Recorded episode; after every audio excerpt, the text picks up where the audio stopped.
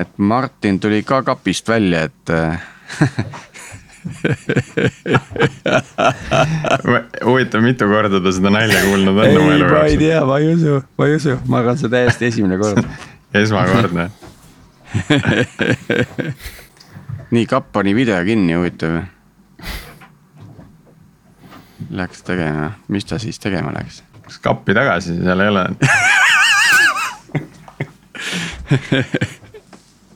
aga läks üldse ära, solvus ja Solvus. solvus, ta ei olnud seda memo saanud, kus äh, on kirjas, et solvumine on nõrkadele.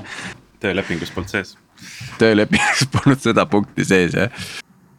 et ma olen siin Dirhamis praegu teel Pärnusse Muhu väinale, et äh, Tiit, Tiit, minu arust sa olid, sa olid juba eelmine nädal sinna Dirhamisse teel, et mis toimub, et. kuule, eelmine nädal käisime Kihnus, et äh, täpselt sama teed sõidan nüüd et nii ta läheb, paneme minema, sest mu- mu- mul on kiire ma pean, ma pean kiiresti hakkama purjetama sinna Pärnu poole, muidu ma jõuan sinna ülehomme kohale. miks sa põletad, mina lihtsalt räägin juttu. tõmba ankur välja, küll ta minema hakkab kuskile poole. ja ei, siin meil ongi, siin ongi sihuke jahikontoris äh, päris mitu koosolekut juba tehtud, et hea küll äh,, lähme liikvele.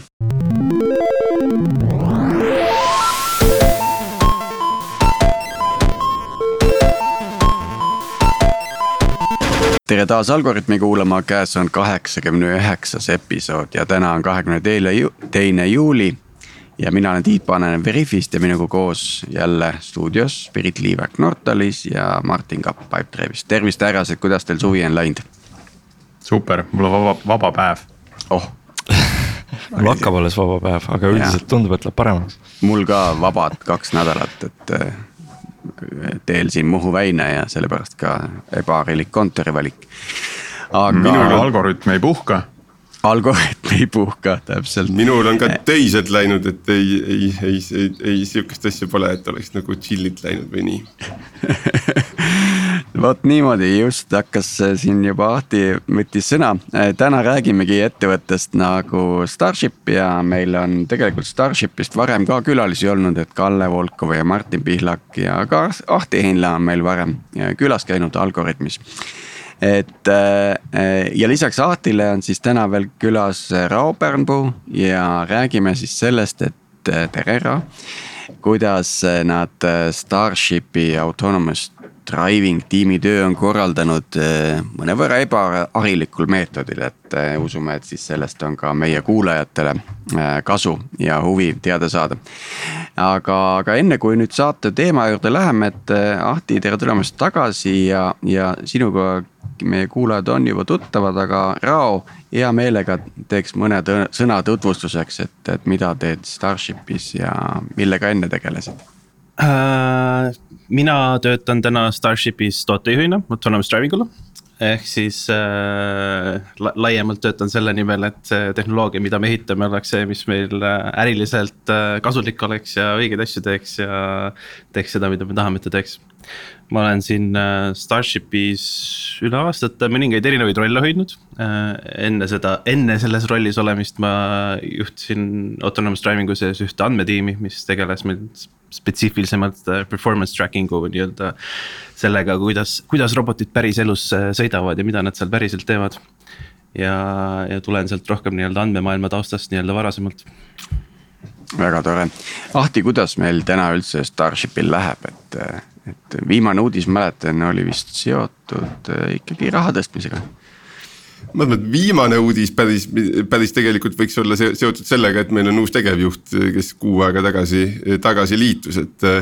kuu aega tagasi veel mina olin tegevjuht ja nüüd on praegu Google X-ist Alistair Westgarth meil, meil tegevjuht et ma arvan, et see on selline, selline viimane uudis, aga eks ega, ega kõik loomulikult, mis toimub firma sees, ega kõik see uudistesse kohe nagu ei jõua, eks ole, et, et.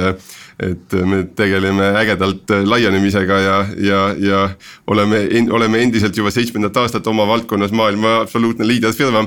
et, et sammume ikkagi nagu võitudelt võitudele, aga see alati ei jõua uudistesse iga nädal ja, jah, ei muidugi, aga siin ongi hea võimalus kohe teha väike kuulajatele update algoritmis ära, et, et, et. see on meil see, see rubriik on alati olemas, nii et, et tundke ennast vabalt. aga vaatame siis korra äh, sinna saate teemale peale, et ähm, mida üldse autonomous driving tiim nagu endast kujutab, mis, ütleme, mis asi see on? See on, see on jah, selline hea küsimus, ma arvan, et kui me, kui me peaks rääkima sellest, kuidas Starshipis töötab autonomous driving tiim, siis kõigepealt tuleks alustada sellest, et mis Starship üldse on, siis sellest, mis autonomous driving tiim on ja alles siis tegelikult me päris jõuame tegelikult, ma arvan selleni, et mida, kuidas see autonomous driving tiim sisuliselt ehitatud on. Et ma võin, võin alustada, alustada kõigepealt sealt pihta äkki, et, et, et, et, et, et, et mis, mis, mis Starship on ja äkki, äkki, äkki Rao siis võib rääkida sellest, mis autonomous driving tiim on äkki ma usun, et enamik meie kuulajaid võiks olla, võiks olla nagu kenasti kursis sellega, mis Starship on, kas see on vahepeal oluliselt muutunud? ma arvan, et enamik inimesi minu kogemuses arvab, et ta teab, et mis, mis Starship on, aga tegelikult, tegelikult tingimata, tingimata ei tea. väga hea, siis võib teha ühe, ühe lühikese sissejuhatuse küll jah, et nimelt, nimelt enamik inimesi, ma arvan, on on Eestis kuskil ikkagi Starshipi roboteid näinud. näiteks Mustamäel, kus me juba seitsmendat aastat sõidame ringi, aga ma arvan, et inimesele, kes Mustamäel ringi kõnnib, tundub, et seitse aastat ei ole mitte midagi muutunud, et robotid sõitsid seitse aastat tagasi, sõidavad seitse aastat, sõidavad ka, sõidavad ka praegu. ja, aga mis tegelikult toimunud on, on sel, on selle ajaga on noh, väga selgelt, no mida me ehitame, me ehitame autonoomse logistikasüsteemi me ehitame sellist süsteemi, et vajutad nuppu ja asi, mingid asjad tulevad, toit või burger või, või, või piimapakk või, või mis iganes, mida sa tahad, tuleb sinu juurde automaatselt ise, eks ole, et mitte niimoodi, et keegi inimene seda tassib. vaid, vaid, vaid asi tuleb, tuleb niimoodi sinu juurde, nagu tuleb sul vesi kraanist, eks ole. ja see on selline asi, mida seitse aastat tagasi väga paljud inimesed ütlesid meile, et see on jama, see ei tööta, see nagu. robotid varastatakse ära, noh, noh, mis iganes droonidega üleval õhus, seal on palju lihtsam, eks ole. et, et ja aga noh, me teadsime algusest peale, et see ei ole tõsi, et esiteks proovisime järele, et roboteid ei varastata ära. droonidega õhus on lihtsam täpselt nii kaua, kuni sul ei ole autonoomse sõidu süsteemi, nii palju kui sul on, sul on auto, autonoomse sõidu süsteem, mis maa peal seda suudab teha, siis on tegelikult maa peal lihtsam pluss maa peal on odavam ja me oleme praegu selles kohas, kus, kus miljon inimest maailmas on nagu elab, on meie, meie teenusega kaetud. miljon inimest iga päev võib võtta Starshipi äpi taskust ja tellida sellega, sellega mingeid asju. noh, palju on miljon, miljon on selline noh natuke väiksem kui kogu Eesti või, või mõnest, mõnest suurlinnast sihukene nagu mingisugune tükikene. räägime Londonist näiteks, Londonist üks seitsmendik on, on, on, on miljon inimest. tegelikult see ei ole nüüd üks seitsmendik miljon, üks seitsmendik Londonist, et tegelikult meil on, see on eri, eri linnades, eri, eri kohtades, kohtades laiali. aga need inimesed, kes selle miljoni hulgas on. Nendel on niimoodi, et nad näevad robotit iga päev, nad tellivad robotitega mm. iga päev, nad armastavad. muide, ma küsin siia vahele, Ahti, et kas on teada ka, et mis see asustustihedus peaks olema, et äh, see roboti värk nagu. Äh, üldiselt meie teenus on selline äärelinnade, äh, eeslinnade teema, selline noh me just arutasime siin Tallinnas, kus kohta, koha, oma, kohas oma teenust laiendada, noh vanalinna me ei läheks tõenäoliselt. samuti noh, ma ei tea, kas me läheks nagu, nagu kuskil, kuskile Tallinna päris kesklinna, noh suudaksime seal sõita küll, aga, aga tõenäoliselt see ei ole see koht, kus, kus meie teenus kõige paremini töötaks. aga kui me räägime Tallinnast, eks ole, siis noh, siuksed kohad nagu Kristiine, Kalamaja, äh, Pirita, äh, Mustamäe, Lasnamäe, Õismäe, kõik need, Viimsi, noh, see kõik täiesti oleks. Tartu, kogu linna kataks ära ilusti.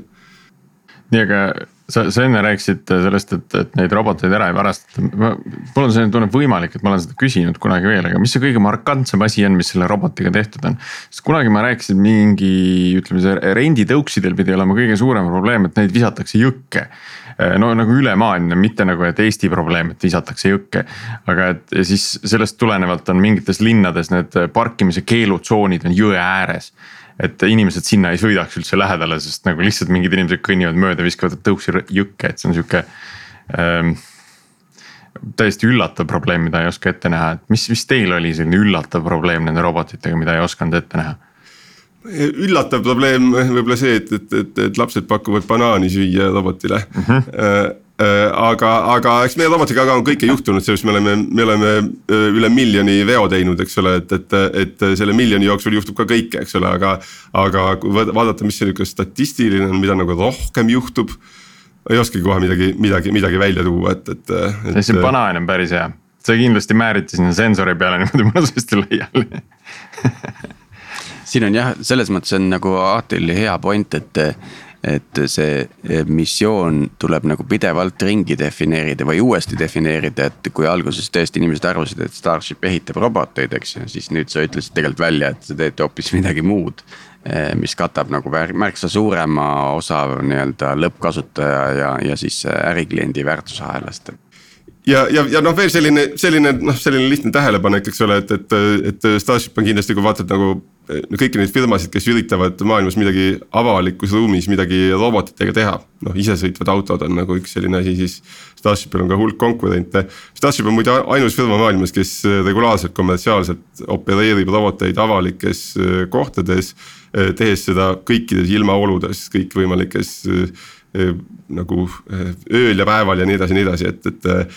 et on mõned teised ka, kes opereerivad kommertsiaalselt roboteid avalikes kohtades, aga nad teevad seda päevavalges ja Arizonas no ja siis need robotid ju noh, nagu autonoomselt peavad ringi toimetama, et, et siis, siis selle, selle taga on siis terve tiim seal taga on isegi tegelikult ütleme kollektsioon tiimidest, keda me siis nii-öelda üheks suureks tiimiks kokku, kokku, kokku mõtleme ja ja, ja nii-öelda defineerime.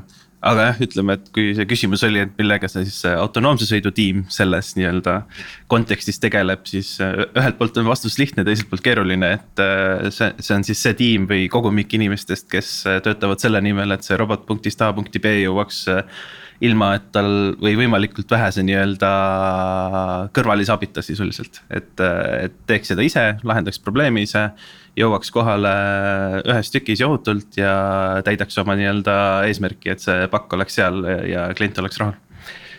ja meie nii-öelda ütleme, autonoomse sõidu tiim sellega tegelebki, et ehitada seda tarkvara, arendada neid tehnoloogiat ja, ja teha neid asju paremaks mhm.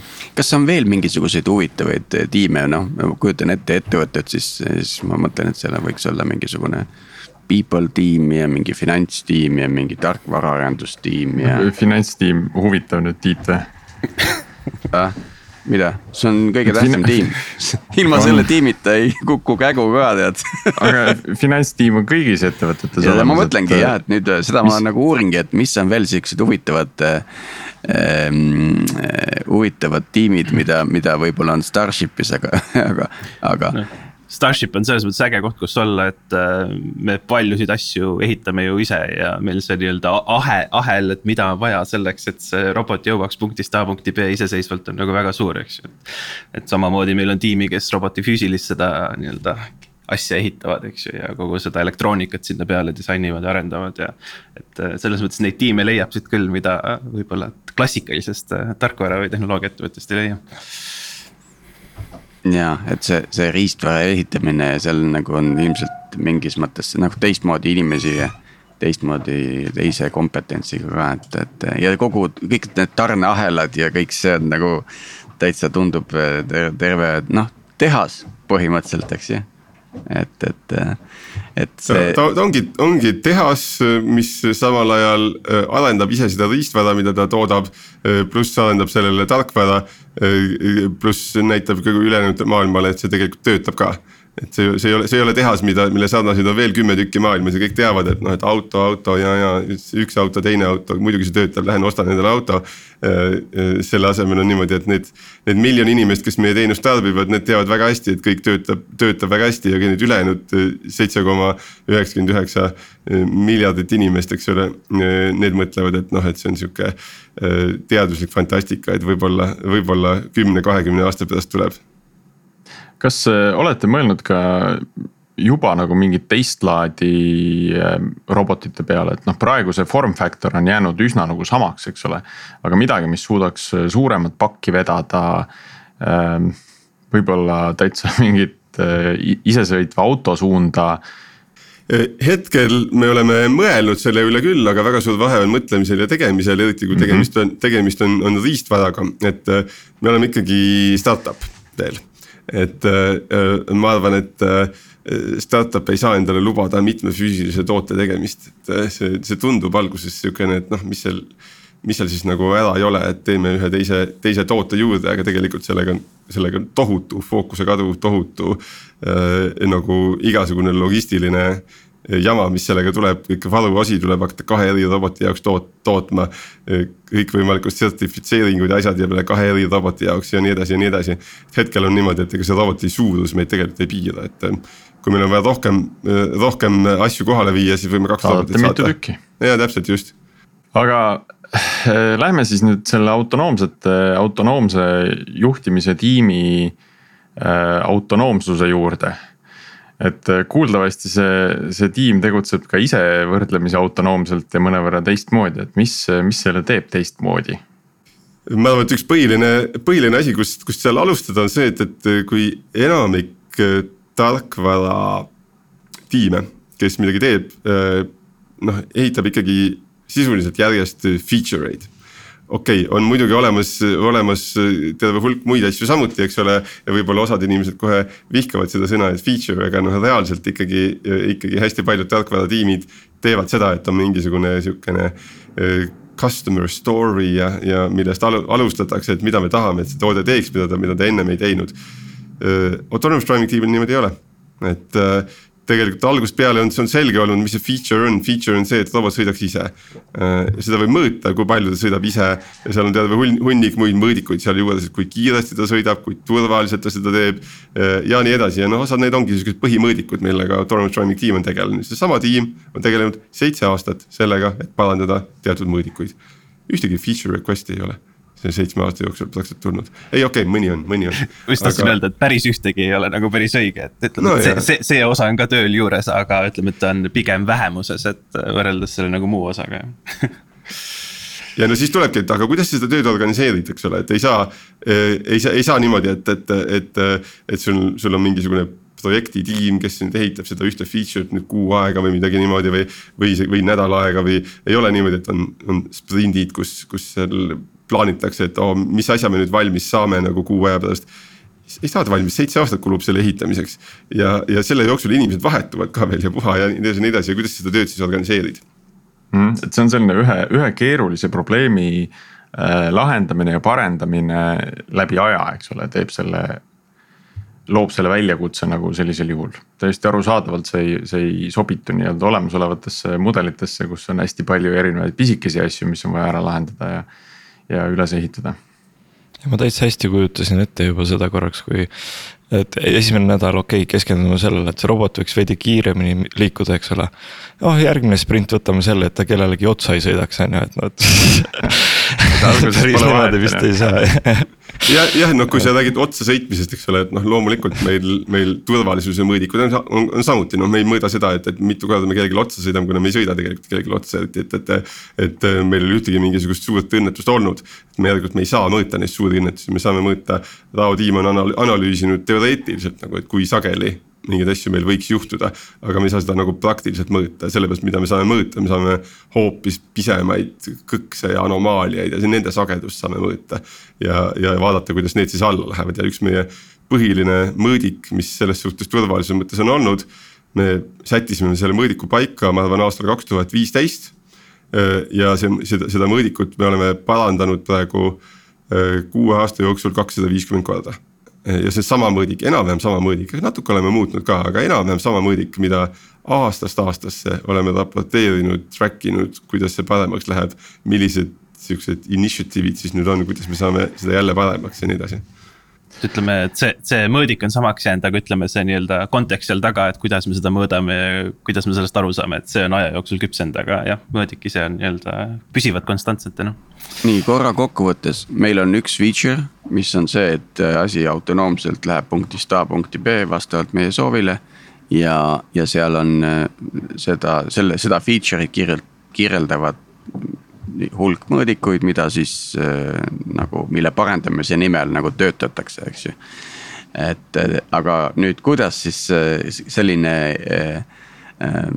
nii-öelda, kuidas ma nüüd ütlen eesti keeles, ei ütlegi, ütlen inglise keeles nagu RD intensive tiim siis autonoomselt toimetab, et mis, mida nad teistmoodi teevad, et kui nad või jah, mitu tiimi see see on hea, et sa kasutasid seda fraasi RD, sest ma tegelikult tahtsin ka selleni jõuda, et ma arvan, et see üks erisus, kus see tekib, ongi sellepärast, et seal on hästi suur osakaal mängida sellel RD-l et väga tihti need uued funktsionaalsused, mida me ehitame, need asjad, mida meil on vaja, et mingisuguseid meetrikaid äh, täiendada või pare-, parendada. See paljuski tuleb sellest, et on vaja nagu sisuliselt välja mõelda midagi uut, mida väga maailmas ei eksisteeri. eriti kuna meil ei ole ka nagu ütleme, me ei ole nagu sellises küpses valdkonnas, eks ju, me sisuliselt liidrid nagu, kes ehitame üles mingisugust valdkonda. Et, et see, sellest tuleneb see töö iseloom ka kindlasti ja see, kuidas me tööd oleme korraldanud, et see olulisem osa ongi just see, et sa pead selle õige asja suutma välja mõelda seal on paar erinevat asja, mis meil äh, tiimis on ja kuidas me asju teeme, ma võib-olla alustan ühest ja Ahti saab mind täiendama hakata. et äh, üks, üks, üks asi, mis meil kindlasti on, ongi see, et on hästi nii-öelda data driven või nii-öelda andmete nii-öelda põhiselt nagu liikumine, eks ju. nagu Ahti värkis, meil on hästi palju performance meetrikaid, meil on KPI-sid on kõvasti, iga, iga hommiku vahin neid ja mõtlen selle peale, et mis, mis, mis läheb hästi, mis läheb halvasti ja millega peaks tegelema ja, ja sisuliselt me tegelemegi nende kapi, kapide optimeerimisega. ja, ja kõik see, mis me teeme, on väga kantud sellest, et äh, kuidas me mõtleme sellest, et missuguseid asju meil on vaja ehitada, et neid asju paremaks teha. ehk siis mingi konkreetsed funktsionaalsused, featuurid, me oleme hästi agnostilised nende osas, me ei ole väga nii-öelda see, et noh, et me tahaks sellist asja ehitada, et robot teeks X, Y, Z või me tahaks. täpselt sellist masinnägemissüsteemi ehitada, eks ju, et, et see on kindlasti see, mis see tulemus toob, et me alustame, alustame meetrikatest ja siis sealt töötame alla selleni, et mis on see asi, mille kallal me näiteks järgmised kuu aega töötame. ja mõtleme välja mingid konkreetsed projektid või nii-öelda fookusalad, kus me näeme, et me kõige suuremaid võitu parasjagu saame. ja siis on põhimõtteliselt tuhat iteratsiooni sinna peale ja kogu aeg nagu vahetad projekte, liigud ühe projekti ja teise projekti vahel. et see on kindlasti nagu üks, üks asi nagu, mis seal rolli mängib. Aati tahad lisada midagi?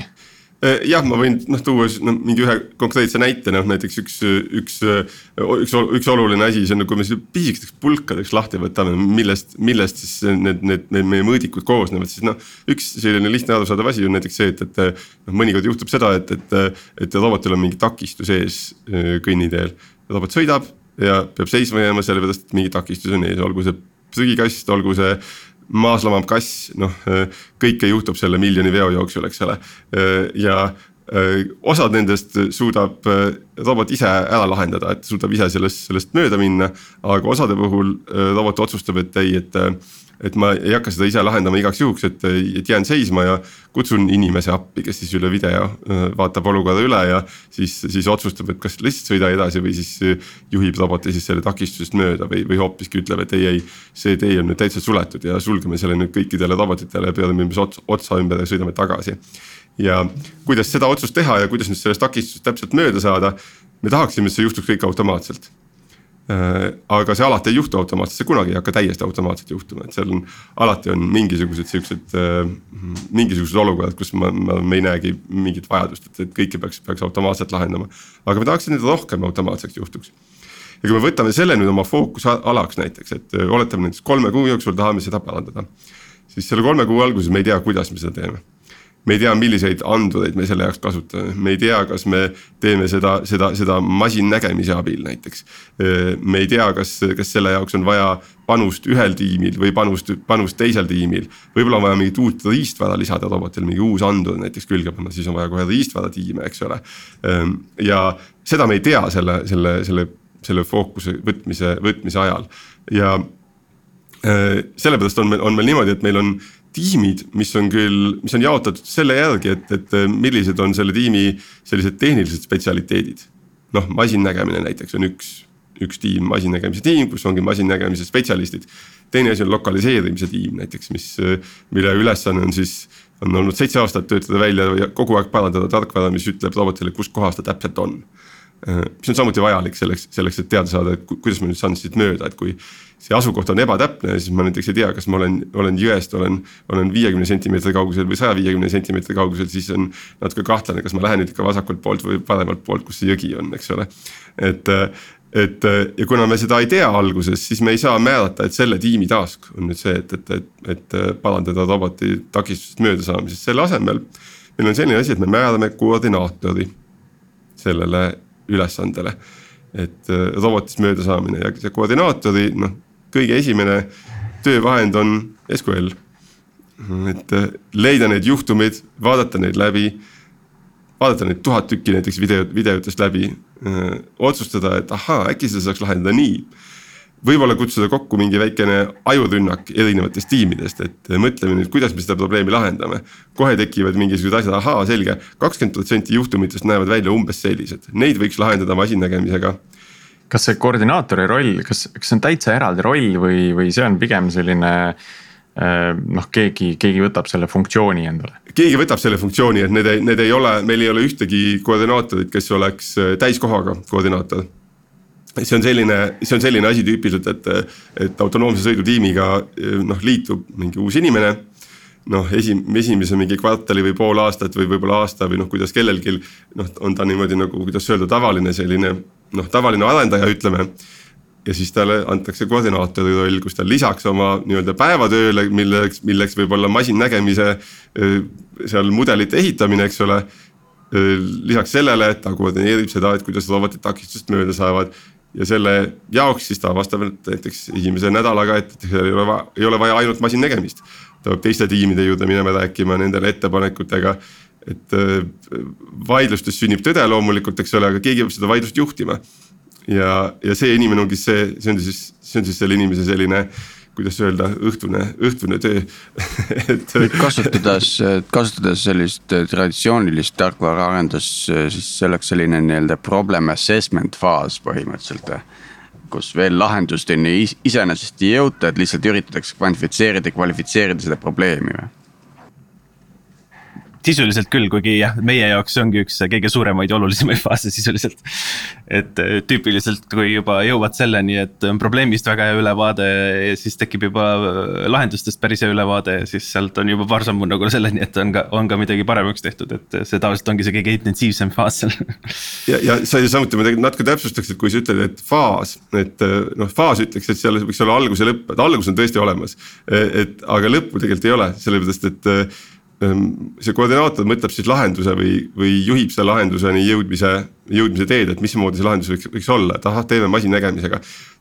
treenime näiteks masinnägemise mudeli, mis ütleb robotile ära, kas see peaks mööda minema takistusest vasakult või paremalt, täiesti võimalik äh,. annoteerime mingi sada, sada tuhat pilti ära, et, et, et kus inimesed ütlevad, et nüüd siin mine vasakult, siin mine paremalt ja nüüd treenime, treenime siis, siis masinnägemisega närvivõrgu näiteks, täiesti võimalik seda niimoodi lahendada kui koordinaator otsustab, et ta, et, et võiks niimoodi lahendada siis äh, olgu, olgu, läheb masinnägemise tiimi juurde ja kõigepealt annoteerimise tiimi juurde ja, ja, ja siis annoteerib need andmed ära, milleks kulub ka palju aega ja raha äh,.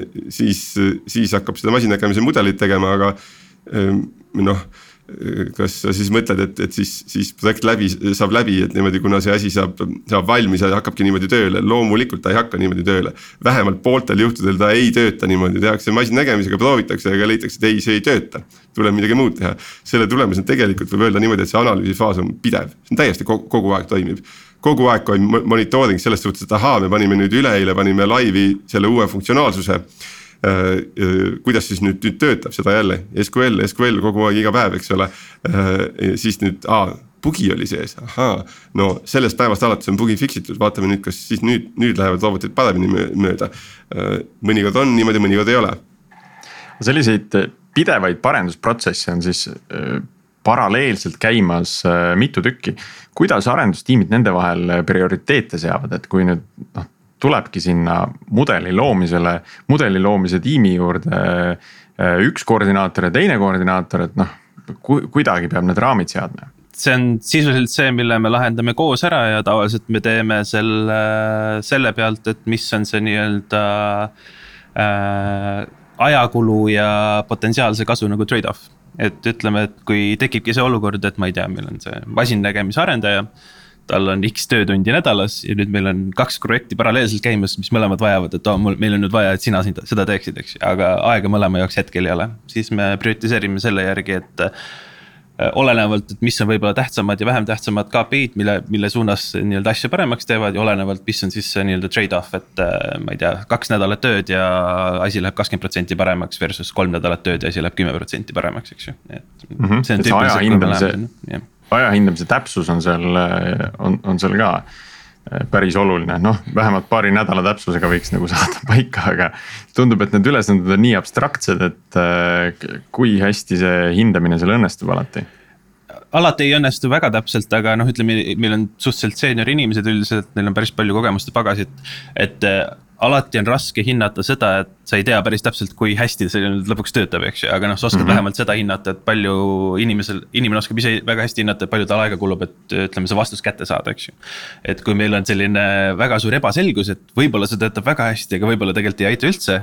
noh, siis me mõtleme välja, aga mis on see miinimumaeg, mis me siia sisse saame panna, et see vastus kätte saada ja siis me võib-olla lepime kokku, et teeme selle miinimumi ära ja siis vaatame uuesti tagasi ja vaatame, mis see efekt päriselt oli ja otsustame, kas me liigume edasi või nii-öelda tõmbame kriipsu peale kogu projektile aga kas see siis tähendab seda, et näiteks teie jaoks, eks ole, selline, ütleme, kui on mingi suurem intsident või siis asi, mis on vaja nüüd uurida ja parandada, on ju üle. see siis tekitabki teile nii-öelda neid uusi meetrikaid, mida jälgida põhimõtteliselt. Et, et kui no ütleme, võtame standardse tarkvara, eks ole, et sul on bugi, fix'id ära, paned, kirjutad unit testi, et hiljem kontrollida, et seda uuesti ei juhtuks, on ju et näed, ma ei kujuta ette, et üks robotile, noh, sa võid unit testi tõenäoliselt mingil, mingil viisil võib-olla kirjutada. aga, aga tõenäoliselt sa tahaks nagu pigem jälgida, et seda enam ju hiljem ei juhtuks vist või? noh, tegelikult neil unit testidel on ka väga suur äh, osakaal, äh, sest osad unit testid on jah, sellised noh, sellised selged funktsionaalsed, et peab tegema täpselt nii ja kõik, eks ole. Äh, ja neid on tegelikult meil muidugi ka sadu, sadu, sadu, sadu ja see on noh, väga oluline selle jaoks, et, et noh, kui sul neid ei ole, siis ikkagi noh, meil on küll üsna kogenud inimesed, eks ole, aga ikkagi inimesed teevad vigu kogu aeg, eks ole, ja siis, kui see vigu, viga siis laivi jõuab, noh siis on nagu kehvasti, eks ole. et ähm, see, need, need automaatsed testid kaitsevad, kaitsevad nende äh, vigade laivi jõudmise eest, mitte sajaprotsendiliselt, aga noh, üheksakümne viie, üheksakümne üheksa protsendiliselt ikkagi. Äh, äh, aga küll, aga mis on see, et, et kui meil on annoteeritud andmehulgad noh, nagu näiteks see, et noh, see on hüpoteetiline, tegelikult meil ei ole sellist andmehulka, kus, kus inimesed oleksid annoteerinud, et on et kas tuleb takistust mööda vasakult, vasakult või, või, või, või paremalt. aga kui oleks, eks ole, siis me saame mõõta seda performance'it vastu selle, seda andmehulka. Ja me saame öelda, et, et see peab olema vähemalt, ma ei tea, seitsekümmend protsenti pead tegema nagu, nagu õige otsus, et kunagi te ei tee täpselt seda otsust, eks ole, mida, mida inimene on annoteerinud.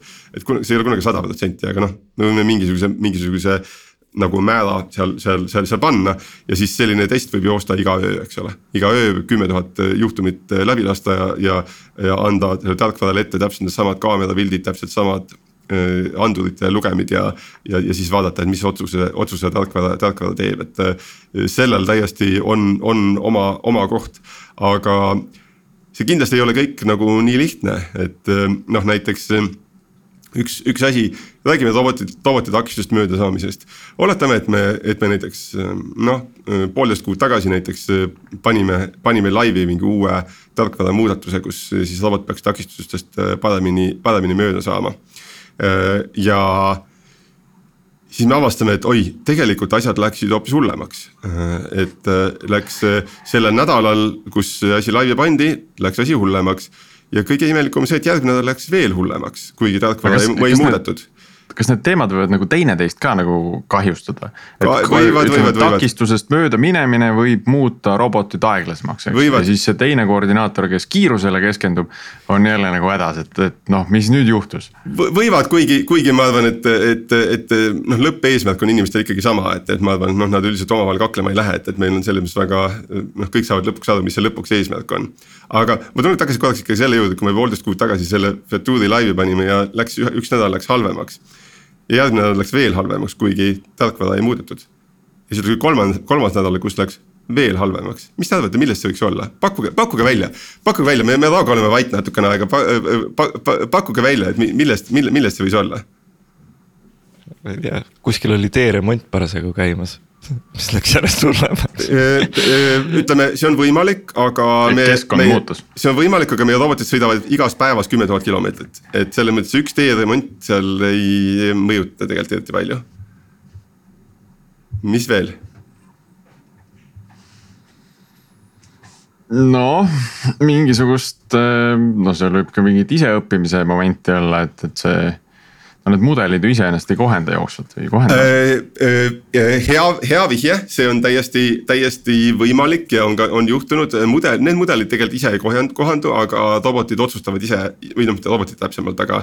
aga, aga meil on iseõppiv marsruutide arvutamise süsteem, mis võib õppida näiteks, et mm -hmm. ahaa, sealt kohast mööda, sealt kohast sõites tegelikult sageli robot jääb takistuse taha kinni, nii et ma tuudin ta järgmine kord kuskilt mujalt, et äh, see täiesti võib mõjutada. kuigi see nagu ei tohiks tekitada seda, et iga nädal läheb hullemaks järjest. ma annan, ma annan ühe vihje, ma ütlesin poolteist kuud tagasi. ma ei öelnud seda juhuslikult, ma ei, ma ei, ma ei, ma ei saaks sama näidet tuua, kui ma oleks öelnud kuus kuud tagasi. piirangud lõppesid ära hakkab looma, hakkab looma Nüüd.... inimesi tekkis tänavale rohkem nagu. jaa, hakkab looma, see, see, see täiesti sellised asjad mõjutavad ähm,. Äh, aga, aga ma ütlen veel, et poolteist kuud tagasi, see oli siis mai lõpupoole. ma ütleks, et sama mõõdik muutub, muutub samas suunas iga mai lõpupoole iga aasta mai lõpupoole läheb. takistustest, takistustest möödasaamise mõõdik läheb maikuu jooksul alati kehvemaks ilmalaud ilusaks, suvi hakkab ja inimesed on rohkem väljas. päike ja... hakkab eredamalt paistma sensori peale. ja päiksenurk hakkab käima kuidagi kõrgem. Vau, kas sa ütled õige vastuse äkki õige vastus on see, et äh, rohelus hakkab palju suuremaks kasvama ja kõnniteed kasvavad igasuguseid põõsaid ja lilli ja taimi täis loodus.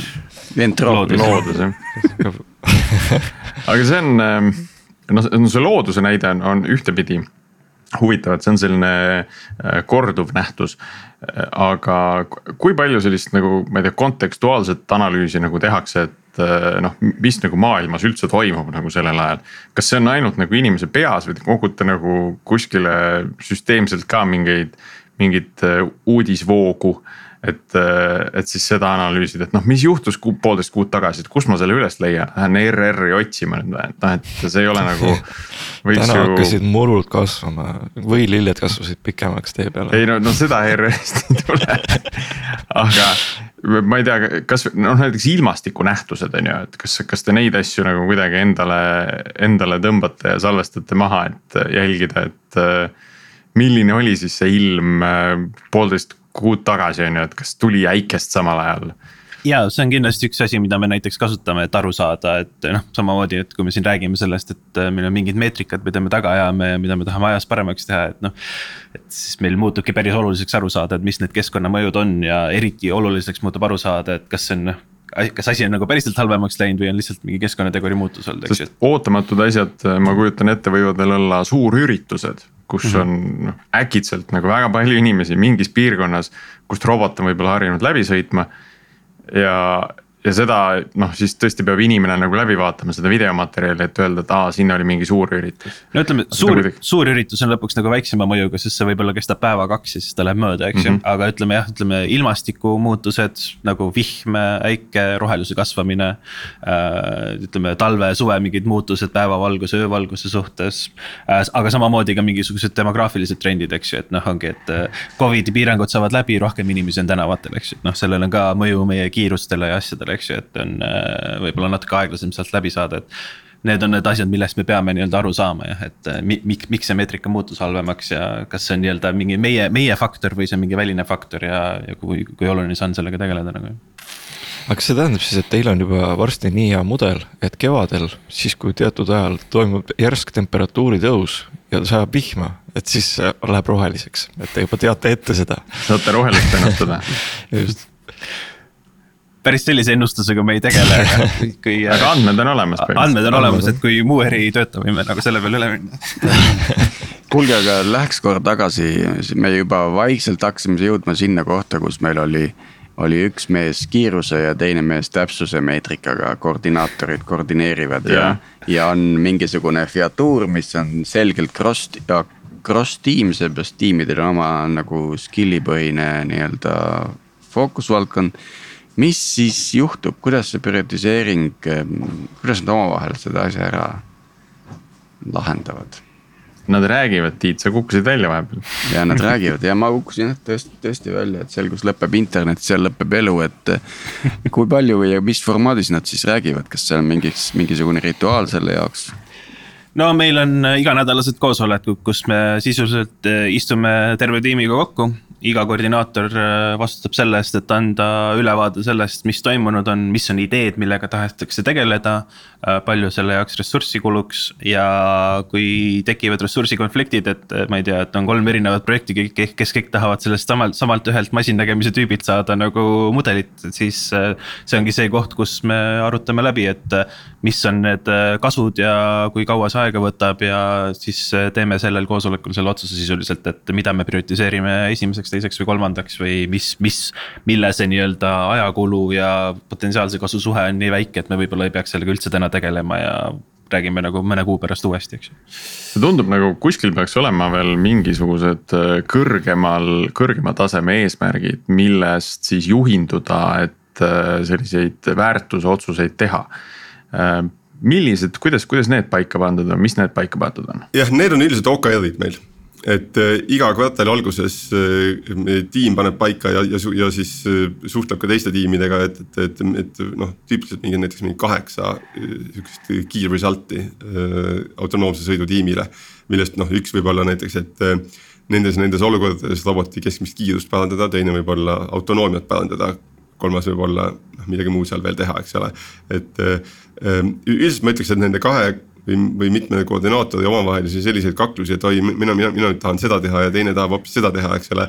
et noh, neid tuleb ette, aga, aga mitte tegelikult väga palju ja enamik selliseid küsimusi, selliseid otsuseid tegelikult on nagu ilmne, kui inimesel, inimene vaatab asja peal, tegelikult saab aru, et kuule ikka tunduvalt mõttekam on tegeleda, tegeleda selle ühe asjaga, mitte, mitte selle teise asjaga.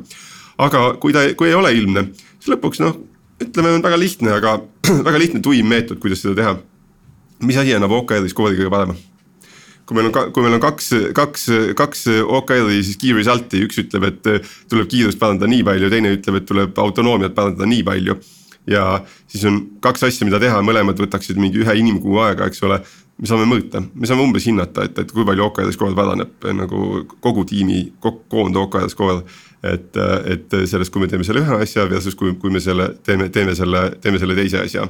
et niimoodi täiesti saab, saab teha, see on väga kirve meetodil öö, tegemine, see üldse sisuline, see on nagu puhtalt OKR skoori põhjaselt, põhiselt, aga ma ütleks, et see ka tegelikult toimib, toimib üllatavalt hästi, et selline, et, et, et sa määrad siuksed mõõdikud ja siis hakkad tuimalt täpselt selle järgi, et mis seda numbrit kõige paremini parandab ja, ja, ja, ja sel-, sellega, sellega teeme otsuse, see toimib üllatavalt hästi. kuidas nüüd, ähm, kui, kui me läheme korra nende koordinaatorite juurde tagasi, et äh, neil endal on ka mingid eesmärgid, et äh, nad peavad seda mõõdikut mingi piirini parandama. või, või nad lihtsalt tegelevad sellega, sest ma näen seda, et, et kui siin tekibki nüüd see konflikt, noh olgu neid ei teki palju. aga see kahjustab nii-öelda ühe selle koordinaatori võimekust selle eesmärgi poole liikuda ähm, mida sellistes olukordades tehakse või kuidas need koordinaatorite endi eesmärgid üldse nagu fikseeritud on? ma arvan, et hästi suurt rolli, miks see töötab hästi, meil mängibki see, et kuidas on, ütleme, see nii-öelda tiimikultuur üles ehitatud ja me oleme nagu väga palju rõhku sellele pannud, et see tiimi, tiimikultuur oleks selline, et need asjad nii-öelda töötaksid efektiivselt. Äh, paar näidet, eks noh, üks on see, et äh, koordinaator võib ükskõik kust tiimist tulla, eks ju, oleneb sellest, et mis, mis on see ekspertiis, mis, mis, mis asjad nagu, et mis on eesmärgid, kes sinna kõige paremini sobib näiteks. aga need inimesed, kes selle koordinaatori jaoks seda ütleme tööd lõpuks teevad, äh, tulevad erinevatest funktsionaalsetest tiimidest, eks ju, et selline maatriks struktuuris veits nagu nii-öelda opereerimine et äh, me oleme nagu päris palju rõhku sellele pannud, et anda sellele koordinaatorile seda võimestust nii-öelda, et, ta saab rahulikult minna, ta saab inimese käest küsida, arutada, saada endale ressursse nendes tiimides, kui tal seda vaja on. ja teiselt poolt me oleme nagu hästi tugeva tiimikultuuri ehitanud, et äh, lõpuks me nii-öelda koos vastutame nende eesmärkide saavutamise eest, eks ju, et, et kuigi koordinaator nii-öelda omab seda ownership'i selle konkreetse võib-olla KPI nagu paremaks tegemise eest siis me ei hinda tema performance'it selle järgi, kui kaugele me sellele jõudsime, kui me üks hetk otsustasime, et aga meil on tule, tulemuslikum millegi muuga nagu tegeleda. et see tiimi mm, -hmm. tiimikultuur on hästi oluline seal hoida seda, et see ei, ei tekita seda momenti, et inimesel tekib nagu selline hambad ristis, et ma pean selle tegema, vahet pole, mis see nagu üldeesmärgid on jah, jah, ma, ma ka tooks välja kindlasti selle, selle kultuuri olulisuse siinjuures, et, et meil on jah, selline kultuur on, on, on kindlasti, et, et inimene võib aru saada, eks ole, et, et see asi, mida tema justkui koordineerib tegelikult ei ole mõtet sellele praegu ressurssi panna ja kõik aktsepteerivad seda täiesti ilma mingi probleemita, et jah, okei okay,, kui nii, siis, siis, siis nii, eks ole. ja nad teavad, et seda ei seda kuidagi pärast ei hakata ütlema neile umbes nagu, kui palgatõusu arutada, siis nagu keegi ei hakka, keegi ei hakka neile ütlema, et sa ei saanud sellega hakkama, eks ole, et, et, et, et, et, et vastupidi, no inimesed ütlevad, oh, sa olid hea koordinaator, eks ole, sa tegid nagu õigeid otsuseid, eks ole, et, et. et, et see, see jah, see tiimikultuur, et kõik saavad aru, et meil on ühine eesmärk. meil on kõik ühine eesmärk, see, et panna need robotid autonoomselt sõitma, see ei ole see, et, et kellelgi inimesel on mingi emotsionaalselt jõle seotud eesmärk, et ma nüüd tahan seda, et robotid takistustest paremini saaks mööda. takistustest paremini mööda ja see on see oluline asi ja kui keegi teine ütleb, et, et ah robot sõitis kellelegi otsa, eks ole. et, et nüüd on vaja seda, sellega tegeleda hoopiski, eks ole, siis ta ütleb ei, ei, ei, aga mind huvitab see rohelusest mööda sõitmine, kuna mina koordineerin seda. et noh, meil ei ole sihukest asja absoluutselt, et, et kõik saavad aru, et meil on üks ühine eesmärk ja, ja noh, teatud asjade puhul puhul seal see otsuste tegemine on tegelikult, tegelikult suhteliselt lihtne. ja mis see võib-olla noh, ka nad, miks, miks, miks selline kultuur on tekkinud või miks miks me sellise kultuuri oleme teinud. sellepärast, et kõik, kõik need autonoomse sõidu inimesed põhimõtteliselt istuvad ühes toas. Äh, nendel on oma nädala koosolekuid mitu tükki nädalas, eks ole, kus kõik need inimesed istuvad koos. Nad noh, nii-öelda piltlikult öeldes joovad ka õlut koos, eks ole, ja see ei ole see, et, et ah, mul on lokaliseerimise tiim, mul on ikkagi mingi oma nagu mingi asi, loomulikult on oma asi, on, on, on, aga. aga, aga, aga see suurem autonoomse sõidu ja kogu, kogu Starshipi engineering'u kultuur on jah selline, et seal on hästi ühine, kõik on, kõik on nagu üks tiim, üks eesmärk.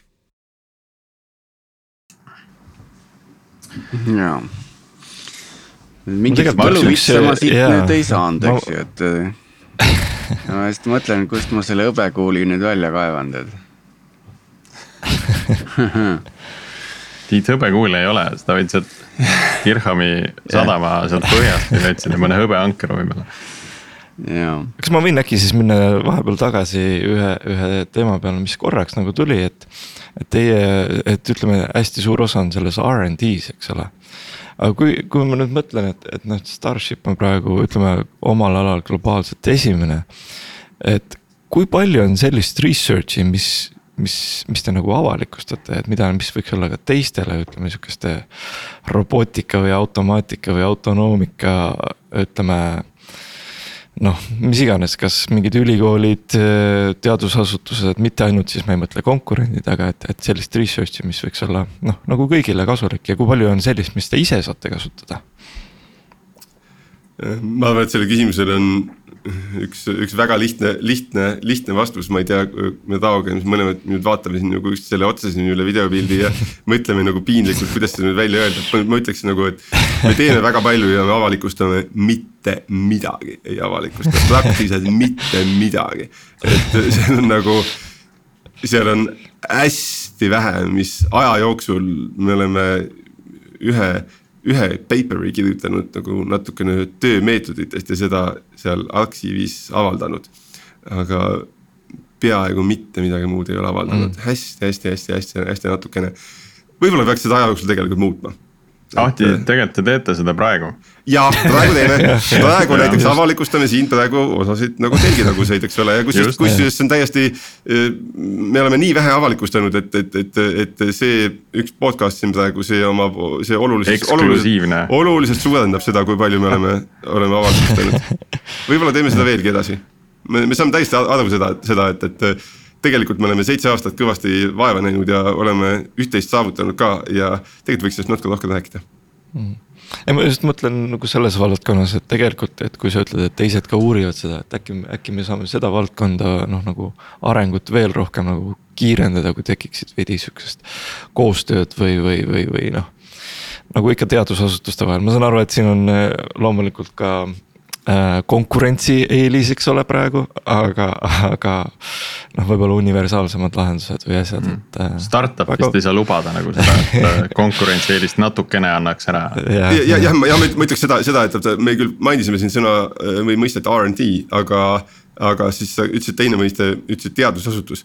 Starship ei ole teadusasutus, kohe kindlasti mitte. seda äh, kindlasti Starship teeb RD-d, aga me ei ole teadusasutus, me oleme äriline ettevõte, me oleme konkurentsis, me tegelikult ei ole huvitatud sellest, et konkurentidele anda, anda väga palju, palju mingit in, infot kätte, et seda me absoluutselt ei tee tegelikult mm. -hmm aga ja nüüd tuli siin tegelikult see kultuuriline moment äh, äh hästi, et on üks tiim, üks eesmärk äh, ja ja kui, kui sinu personaalne eesmärk eh, mingil põhjusel ei lähe selle eesmärgiga uuringute tulemusena kokku, siis tuleb sellest lihtsalt lahti lasta, eks ju, ja. ja see ongi õige otsus, eks ju. ja, ja sellist nagu eh, no ma näen siin mingis mõttes, mu enda lemmik on see, see piirangute teooria Eliahu Koldrat ja et, et lokaalsete optimumide summa ei ole optimaalne, eks ju, et et, et kas on võib-olla veel mingisuguseid selliseid äh, rituaale või kultuurilisi aspekte, mis seda üks tiim, üks eesmärk äh, tugevdab või hoiab, et noh, ühes toas, eks ju. aga no ütleme, et kasvaks, kasvaksite nüüd suuremaks veel, eks ju, et äh, siis enam ei mahtu, mahu enam ühte tuppa, eks ju ma arvan, et üks asi, mis sellele kaasa aitab, on see, et me oma arendust, me natuke puudutasime seda ka, aga see aitab ka kultuuri osas, et meie arendusprotsess algab tavaliselt äh, nii-öelda probleemi vaatamisest või ütleme, probleemiga seotud andmete vaatamisest, eks ju. ehk siis äh, see nii-öelda arendusprotsess ei alga sellest, et me otsustame, et äh, inimene X või tiim X peaks midagi paremaks tegema. vaid me nii-öelda holistiliselt vaatame probleemile otsa ja alles siis hakkame rääkima sellest, aga kuidas seda lahendada ja need lahendused võivad tulla erinevatest tiimidest. aga me jõuame nende lahendusteni koos ja juba sellest tekib nagu see moment, et me oleme selle nii-öelda ajurünnaku protsessi läbi käinud. Äh, ja me oleme nagu ühiselt jõudnud sellele arusaamale, et noh, ongi, et kui on vaja takistusest mööda saada, et äh, okei okay nendel and-, neid andmeid koos vaadates, erinevate erialade spetsialistide kokku tuues, me jõudsime järeldusele, et äh, see on see lokalisatsiooni inimene, kes, kes saaks siia kõige suurema impact'i omada. ja see, et me oleme selle protsessi koos läbi teinud ja päris palju aega tegelikult kulutanud sellele kommunikatsioonile seal taga ja sellele andmete kõik nagu visualiseerimisel, ülesehitamisel. see juba tegelikult ehitab selle nagu tiimitunde sinna taha ja kõik saavad aru, et kuidas me jõudsime sinna nagu järeldusele. et meil on näiteks äh, iganädalased koosolekud, kus meie ainuke eesmärk ongi koos maha istuda ja mingitele andmetele peale üle vaadata. täiesti agnostiliselt, tihti need on seotud sellega, et võib-olla mingil koordinaatorid, koordinaatoril on mingi plokk nagu sisse tekkinud, et ta ei tea, kuidas edasi liikuda, et ta tahab natuke probleeme jagada. mõnikord me lihtsalt võtame mingid asjad ette ja vaatame ja me vaatame koos andmeid, me vaatame neile peale, me koos arutame, mõtleme ja see ehitab meil seda nii-öelda noh, see protsess kogu aeg konstantselt käib ja see ehitab nagu seda tunnetust jah, jah, see, see konkreetselt jah, kui sa mainisid sõna rituaal, eks ole, jah, nagu kaks sellist selget, selget suurt nädala koosolekut äh, autonoomse sõidu tiimil, üks on see koordinaatorite koosolek, millest enne me rääkisime, kus iga koordinaator raporteerib, et. et äh, mis siis tema alas on toimunud ja, ja mis, mis on ideed ja mõtted ja. ja, ja teine, teine on, on jah, mida Taav nüüd mainis, anname selle nime ka, me nimetame seda data dive. et äh, igal, igal, igal teisipäeval kell üks toimub, toimub data dive Äh, kus tunniajane koosolek, igaüks võib tulla, keegi ei ole seal kohustuslik. tavaliselt mingisugune pool, pool autonoomse sõidu tiimist umbes, umbes tuleb kohale ja, ja seal on niimoodi, et äh, agenda pannakse küll mingisugune kaks tundi ennem paika, aga, aga üldiselt on niimoodi, et, et äh, igaüks võib tulla sinna oma probleemidega ja igaüks võib tulla, tulla mingite, seal on mingid markantsed juhtumid, kui, kui noh, me ei hakka võib-olla kõike rääkima, aga noh, nagu ühe koma kuue miljoni veo jooksul juhtub kõike et äh, ja siis, siis tuleb kas Raavo või tuleb keegi teine ja, ja, ja näitab, et, äh, et näete, nüüd meil on viimase kuu aja jooksul on, on juhtunud kolm sellist väga kummalist juhtumit mm., mille. sensorid on kuidagi banaaniga blokeeritud olnud no näiteks, eks ole, ja siis, siis äh, kõik vaatavad neid videoid läbi. ja siis on nagu täiesti see, et kas me peame midagi tegema võib-olla peaksime oma eesmärke midagi muutma täiesti sellises vaba, vabas vormis, vormis arutelu või mõnikord vaatame lihtsalt täiesti juhuslikke vedusid läbi. lihtsalt tuimalt vaatame nagu kümme mingit juhuslikku vedu läbi, et noh, seal nüüd vot Inglismaal, vot nüüd eile toimusid kümme sellist vedu, vaatame lihtsalt läbi, et siis arendajad vaatavad peale, mis toimub reaalses maailmas. ja siis kommenteerivad ja mõtlevad, et ahhaa, siin me peaks võib-olla midagi paremaks tegema nüüd äh, e-, Eesti kultuuris ma olen pannud tähele seda, et inimesed tahavad hirmsasti asju ära teha. kuidas te olete nagu seda juurutanud või seda, seda turvalisust sinna, ma ei tea, turvalisus on võib-olla vale sõna, vaid.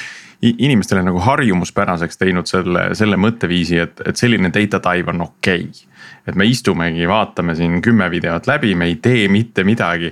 äkki tuleb midagi, äkki ei tule. Et noh, et see, see on, see on pigem nagu mul, mulle tundub nagu ei ole nagu loomupärane, et tahaks nagu kohe midagi ära teha või et kui ma päeva lõpus olen hästi palju videosid vaadanud ja tulemus on käte laiutamine, et siis on natuke tühi tunne, et. Äh, äh, ma arvan, et meil on väga selge, et autonoomse sõidu tiimis äh, vähemalt pool tööst on otsustamine, mida teha ja tulemuste analüüs. et, et tegelik näiteks koodi kirjutamine on tegelikult alla viiekümne protsendi kogu, kogu, kogu töömahust ja noh eriti puutub see masinõppesse, et masinõppes on see eriti niimoodi, et, et, et noh kohati me näiteks. masinõppes on see vist üsna igal pool. jah, jah, jah muidugi, et, et, et noh, me, et, et noh reaalne elu masinõppes on see, et, et enamik ajast sa ei kirjuta seda, seda närvivõrgu arhitektuuri, enamik ajast sa ehitad data pipeline'i. Ehm, et ja, ja noh kui me ka intervjueerime inimesi, kes, kes tahavad meile masinõppesse tööle tulla, siis noh. üks asi, mida mina alati nendelt nagu küsin, on see, et kuidas sa nagu töötad selle masinõppe mudelitega, et, et. et nagu, kas sul on mingid teised inimesed, kes sulle andmeid ette tassivad või, või, või, või, või sa ise neid tegeled nendega ja noh mul on olnud inter. selline ootuste juhtimine. ja, ja, ja, ja täiesti, mul on olnud näiteks intervjuul üks, üks, üks, üks Ameerika üks nagu sihukene. võib-olla võib öelda masinõppe natuke nagu sihuke korüfee, kes võib-olla üks esimesena võib-olla tegi seal aastakümneid tagasi juba mingeid asju masinõppega, eks ole. ja ta ütles, et aa ja, ja ma tavaliselt ikka töötan niimoodi, et mul on nagu, nagu, nagu professionaalne data tiim on minu juures, kes siis nagu mulle andmeid ette valmistab ja mina tegelen siis ainult mudeliga, et noh vaatasin ja ütlesin ei, seda inimest mina ei palka, et noh, nagu, et me. et, et noh, see, see, see inimene tahab tegeleda selle oma arust kõige seksikama asjaga, aga, aga selle tegeliku töö justkui peaks keegi teine tema eest ära tegema. lõpuks noh, selline arendusprotsess läheb nagu venib nii pikaks, kui pidevalt käib tiimide vahel mingi ping-pong, et ka mingi andmetiim, kes peab ette valmistama andmeid ja siis. tuleb üks võlur, kes, kes noh piltlikult öeldes teeb kaks tundi tööd, eks ole, ja siis avastab, et ei, ei tööta ja noh, teine asi, mis sealt kaasa natuke tuleb, on see, et eh, noh, ongi üks kultuuri osa meil kindlasti on see, et me tahame, et arendajad oleks andmetele väga lähedal, eks ju. et, et, et nad ei lahenda nii-öelda abstraktseid probleeme, et keegi söödab ette mingisuguse technical spec'i, et eh, näed nüüd implementeeri need asjad. vaid nad ise näevad neid andmeid, nad on ise seal sees ninaga, nad saavad aru, kuidas asjad töötavad, miks midagi ei töötanud nii, nagu ta pidi ja nii edasi, et. et see tekitab seda arusaama ka kindlasti juurde, et ja, ja noh kogemus kohe näitab ka, et inimesed teevad palju kvaliteetsemaid otsuseid sellest, et see ongi nagu see realisatsioon, mis kõigil nagu lõpuks nagu tekib nagu mingil määral nende koordinaatoritega on ka selline omaette, omaette asi, et noh, me tegelikult me, me oleme seda rääkinud ka siin kogu siin, kogu selle podcast'i me oleme tegelikult rääkinud sellest otsustamisest, et eh, mis asju teha, eks ole. et ja koordinaatoritel on sellel hästi, hästi suur roll ja üllatus-üllatus, osad inimesed teevad seda paremini, osad inimesed teevad seda halvemini. ja seda saab aja jooksul nagu õppida, et, et inimesed eh, saavad kogemusi juurde, et mida, mida kindlasti võib öelda, kui me paar aastat tagasi selle koordinaatori nagu rolli lõime või hakkasime seda, seda, seda tegema. et äh, kuidas see tegelikult sündis, oli, oli tegelikult see, et alguses või noh, esimesed aastad äh,, ma võin niimoodi saladuskatte all öelda. esimesed aastad tegelikult mina ja Raavo otsustasime umbes, et mida, mida, mida, mida peaks, peaks tegema või võib-olla mõni inimene seal veel, veel, veel juures. aga ühel hetkel me nägime, et see kasvab meile üle pea me ei saa seda, kui meie jääme pudelikaelaks, et, et seal on niivõrd palju, need andmed muutuvad, jälle mingi puuk kuskil, jälle mingi päring kuskil nagu. kuskilt tuleb jälle kirja panna, et ahah, nüüd me panime kolmapäeval panime uue featuuri laivi, umbes reedel tuleks vaadata, kui hästi see töötab. ja siis on see mina ja Raavo ja me unustame ära, meil tulevad muud asjad peale ja siis me kaks kuud hiljem me hakkame, et ah, me panime selle featuuri laivi, me unustasime ära vaadata reedel, et kuidas see töötab, eks ole. et, et, et siis me otsustasime, et teeme need koordinaatorid ja ma ütleks, et esimene kvartal, kui me need, me kvartaliks määrame need koordinaatorid.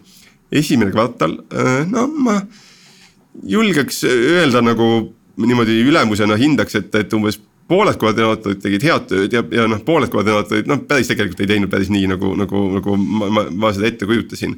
mille pealt te neid noh, kuidas, kuidas sa hindad, et, koordinaator teeb head tööd? no ma ütleks väga, väga selgelt, kas inimene teeb andmepõhiselt otsuseid, kas inimene öö, loob selgust üks väga oluline asi, oletame, et sa oled koordinaator nagu, nagu äh, takistusest mööda saamisel, et robotid peavad takistusest paremini mööda saama ja kui nüüd ma olen või ükskõik meie, meie siin oleme, oleme autonoomse sõidutiimi arendaja, näiteks suvaline arendaja nii-öelda piltlikult öeldes.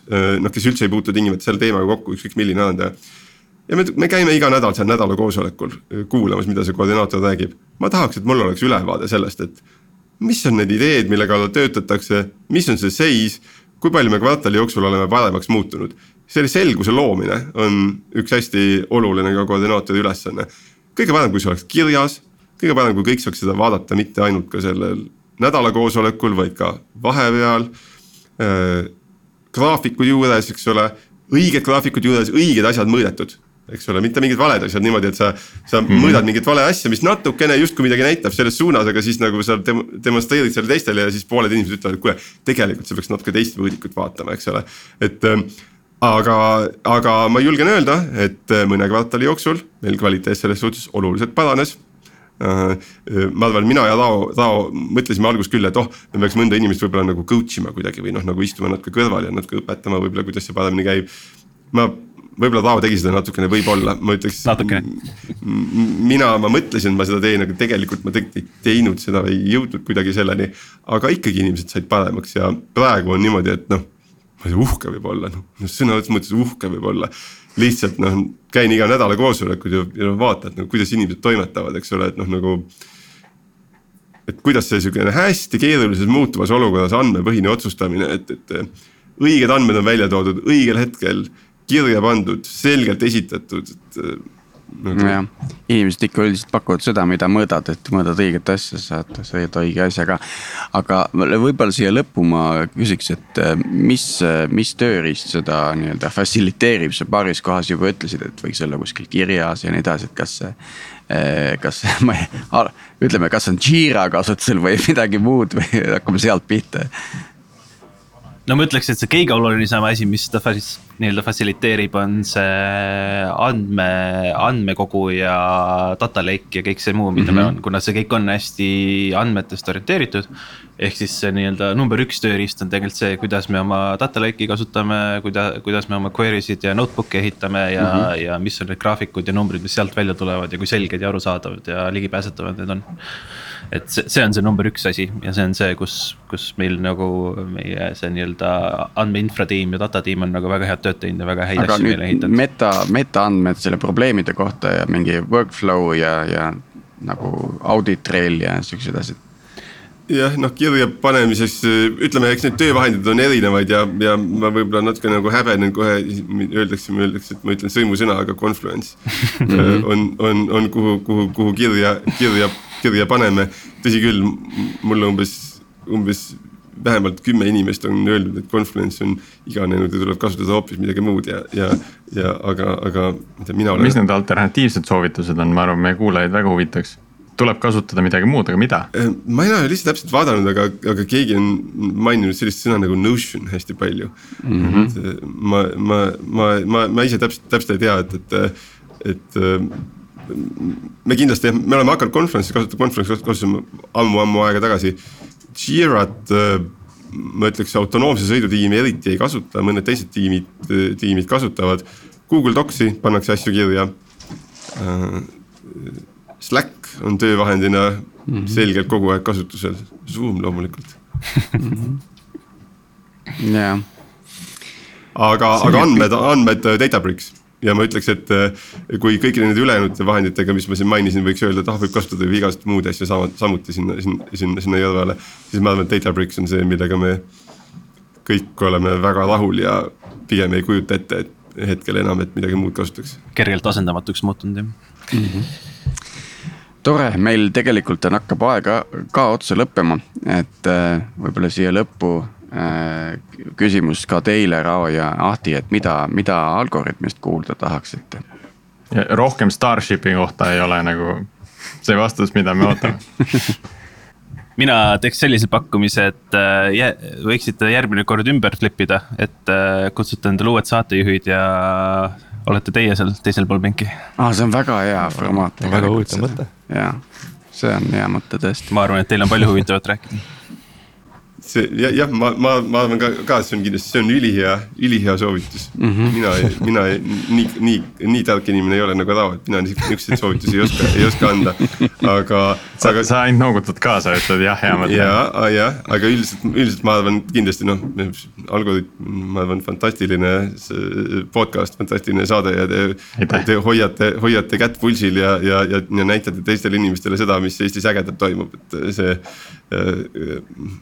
Ma arvan, seda, seda, seda kindlasti kindlasti võiks edasi teha ja ma arvan, et maailmas on, või maailmas, Eestis on ka palju teisigi ägedaid asju, mida näidata ja millest teatakse üsna vähe. ja, ja siit kohe juba üleskutse kõigile, et andke aga märku, et äh, backlog'is asju on, aga tegelikult on sinna ka pidevalt juurde vaja, sest eest kogu, kogu aeg põletame asju ära, et. Kas. Rao mõtte pane ka kohe kirja. pane ja sinna. kas tudengivormel on käinud Algorütmis kunagi? Äh,. oota. ei, vormel ei ole käinud, aga meil käis äh, elektriauto. ja tema oli selles tudengi, tudengivormi tiimis, Solaride'i inimesed käisid. ahah, aga, aga, aga kutsuge tudengivormel ka, sellepärast et, et, et minu meelest äh, Starship on, on nagu, on Eestis, Eestist kõige ägedam nagu robootika koht, kus, kus, kus olla, aga äh, tudengivormel on number kaks mm. Teeme ära. tänud kõigile kuulajatele äh, ja, ja kohtume juba järgmisel nädalal siis juba uutel teemadel ja aitäh, Rao ja Ahti, et tulite külla ja kuulmiseni järgmisel nädalal.